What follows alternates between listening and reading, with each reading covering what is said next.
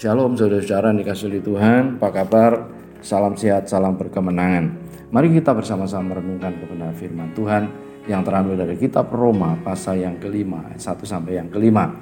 Ayat yang kelima mengatakan dan pengharapan tidak mengecewakan karena kasih Allah telah dicurahkan dalam hati kita oleh Roh Kudus yang telah dikaruniakan kepada kita. Kami percaya bahwa uh, pengharapan yang Tuhan berikan, yang dicurahkan dalam hati kita, tidak pernah mengecewakan. Sekalipun ada masalah dalam kehidupan kita, sekalipun ada bencana yang sering kali terjadi di mana-mana, sekalipun ada pandemi, sekalipun ada tantangan, ada pedang, ada gempa bumi, ada gunung meletus, tanah longsor, banjir bandang, di mana saja yang pernah terjadi, yang pernah kita lihat di media elektronik, tetapi Bapak Ibu Saudara, bagaimana kita menyikapi situasi yang seperti ini? Apakah sering kali kita mengeluh kepada Tuhan? Apakah kita sering kali putus asa? Apakah sering kali kita ya menerima nasib saja? Apakah kita kecil hati dalam kehidupan kita? Kita sudah jauh daripada Tuhan, tidak lagi percayakan kuasa Tuhan. Mari kita akan bersama-sama belajar dari dari uh, firman Tuhan. Ada empat rahasia yang saya ingin sampaikan kepada Bapak Ibu Saudara dalam kesempatan ini. Mengapa Tuhan membiarkan umatnya mengalami penderitaan? Saya percaya bahwa sebenarnya Tuhan tidak pernah membiarkan umatnya mengalami penderitaan. Tetapi apa tujuan penderitaan dalam hidup kita? Yang pertama Allah ingin membentuk karakter kita agar semakin hari semakin berkembang, semakin bertumbuh sama seperti Kristus. Contoh dalam Alkitab, kita belajar dari kehidupan Yusuf. Bagaimana Yusuf mengalami berbagai kesulitan. Mulai bersama-sama dengan saudara-saudaranya, dia dimasukkan ke dalam sumur, dia dijual, berbagai macam kesulitan sampai dia di Mesir. Karakter Yusuf dibentuk waktu dia menghadapi masalah, kesulitan. Tetapi Tuhan menjadikan pribadi Yusuf adalah pribadi yang takut akan Tuhan, menjadi orang yang mengandalkan Tuhan dan setiap langkah hidupnya sehingga Allah menyertai dia dan segala perbuatannya menjadi berhasil. Firman Tuhan mengatakan seperti itu.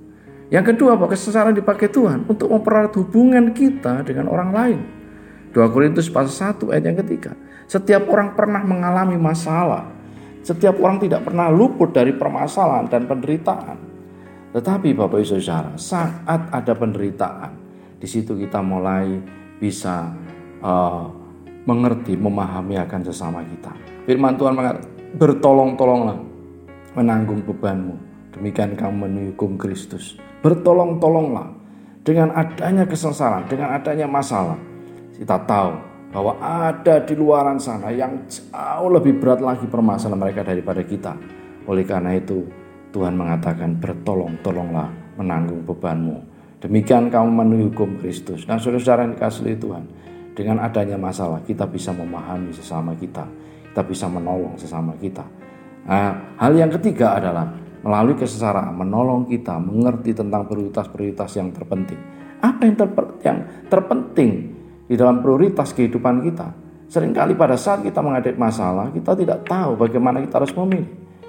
Seakan-akan firman Tuhan menyudutkan dalam kehidupan kita, tetapi kita melihat bersama-sama Tuhan membimbing kita, menuntun kita agar kita pada saat kita menghadapi permasalahan, kita menghadapi persoalan dalam hidup kita, carilah dahulu kerajaan Allah dan kebenarannya, maka semuanya itu akan ditambahkan kepadamu. Ini luar biasa. Memang kadang-kadang pilihan kita tidak enak, namun haruslah tetap kita ambil. Tapi carilah dahulu kerajaan Allah. Cari, fokuskan kehidupan kita. Seorang filsuf Sharon Kierkegaard pernah menyatakan penderitaan bisa menolong kita memadamkan suara-suara dari dunia supaya kita bisa menolong orang lain melalui kesengsaraan itu. Hal yang keempat adalah bahwa dengan kesengsaraan membawa kita untuk kita tetap fokus kepada pengharapan. Ada pengharapan di balik kesengsaraan, ada pengharapan karena firman Tuhan berbicara bahwa pengharapan yang Tuhan beri tidak pernah mengecewakan. Kesengsaraan itu akan menolong kita untuk fokus pada pengharapan kita. Dalam kesengsaraan itulah kita merasa tidak berdaya, kita Seakan-akan tidak ada orang yang menolong. Kita lunglai, kita putus asa. Tetapi perlu kita tahu, di dalam firman Tuhan berbicara, Allah turut bekerja dalam segala sesuatu untuk mendatangkan kebaikan bagi mereka yang mengasihi dia yaitu bagi mereka yang terpanggil sesuai dengan rencana Allah Roma 8 ayat 28 Saya kesimpulannya adalah sikap-sikap yang dimiliki oleh manusia seharusnya pada saat mereka menghadapi mengalami penderitaan masalah dalam hidup mereka yang pertama putus asa menerima nasib dan memilih pengharapan dalam penderitaan sebagai orang percaya seharusnya memiliki sikap tetap berpengharapan di dalam penderitaan. Sebab firman Tuhan berkata berbahagialah orang yang bertahan dalam pencobaan. Sebab apabila ia sudah tahan uji, ia akan muncul seperti emas. Ia akan menerima mahkota kehidupan yang dijanjikan Allah kepada barang siapa yang mengasihi dia. Terpujilah nama Tuhan. Tuhan terus memberkati saudara di mana pun saudara berada. Dan saya percaya Tuhan terus menyertai dalam hidup keluarga, pelayanan, pekerjaan sudah diberkati oleh Tuhan. Tetap berkemenangan dalam Tuhan sekalipun dalam kesengsaraan. Saya percaya Tuhan senantiasa memberikan kemenangan. Amin. Terima kasih saudara sudah bergabung bersama keluarga besar GSJ Yesus Kristus. Sampai jumpa, Tuhan memberkati.